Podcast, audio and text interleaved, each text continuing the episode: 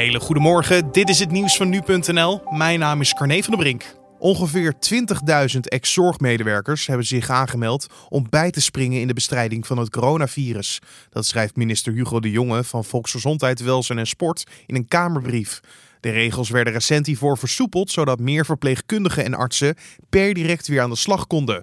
Zo konden verpleegkundigen en artsen van wie de registratie in het zogeheten BIG-register na 2017 was verlopen, alsnog weer aan het werk. Verder laat de jongen weten in de Kamerbrief dat er ook nog andere coronatests op de markt worden onderzocht om de testcapaciteit binnen Nederland te vergroten. Mogelijk kunnen intensive care afdelingen in Nederland overbelasting vanwege het coronavirus tegengaan door beademingsmachines op te splitsen en dus twee patiënten met één apparaat te helpen. Dat blijkt uit een handleiding die de Nederlandse Vereniging voor Intensive Care heeft gedeeld.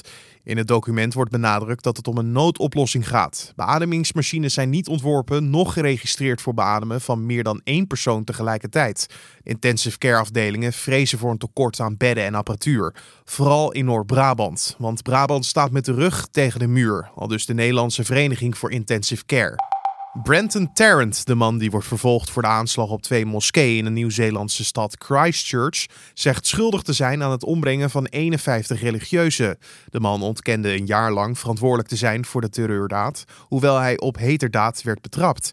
Terrence zegt nu officieel achter de aanslag te zitten. Ook zegt hij schuldig te zijn aan 40 pogingen tot moord en het plegen van een terroristisch misdrijf.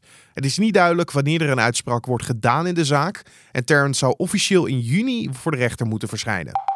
Een zeer grote brand heeft in de nacht van woensdag op donderdag een basisschool in Lelystad verwoest.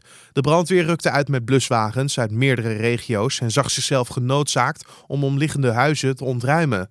Volgens Omroep Flevoland moet de school, de Triangel, als verloren worden beschouwd. En de school zou normaal gesproken les moeten geven aan 130 leerlingen. De oorzaak van de brand is nog niet bekend. En tot zover de nieuwsupdate van nu.nl.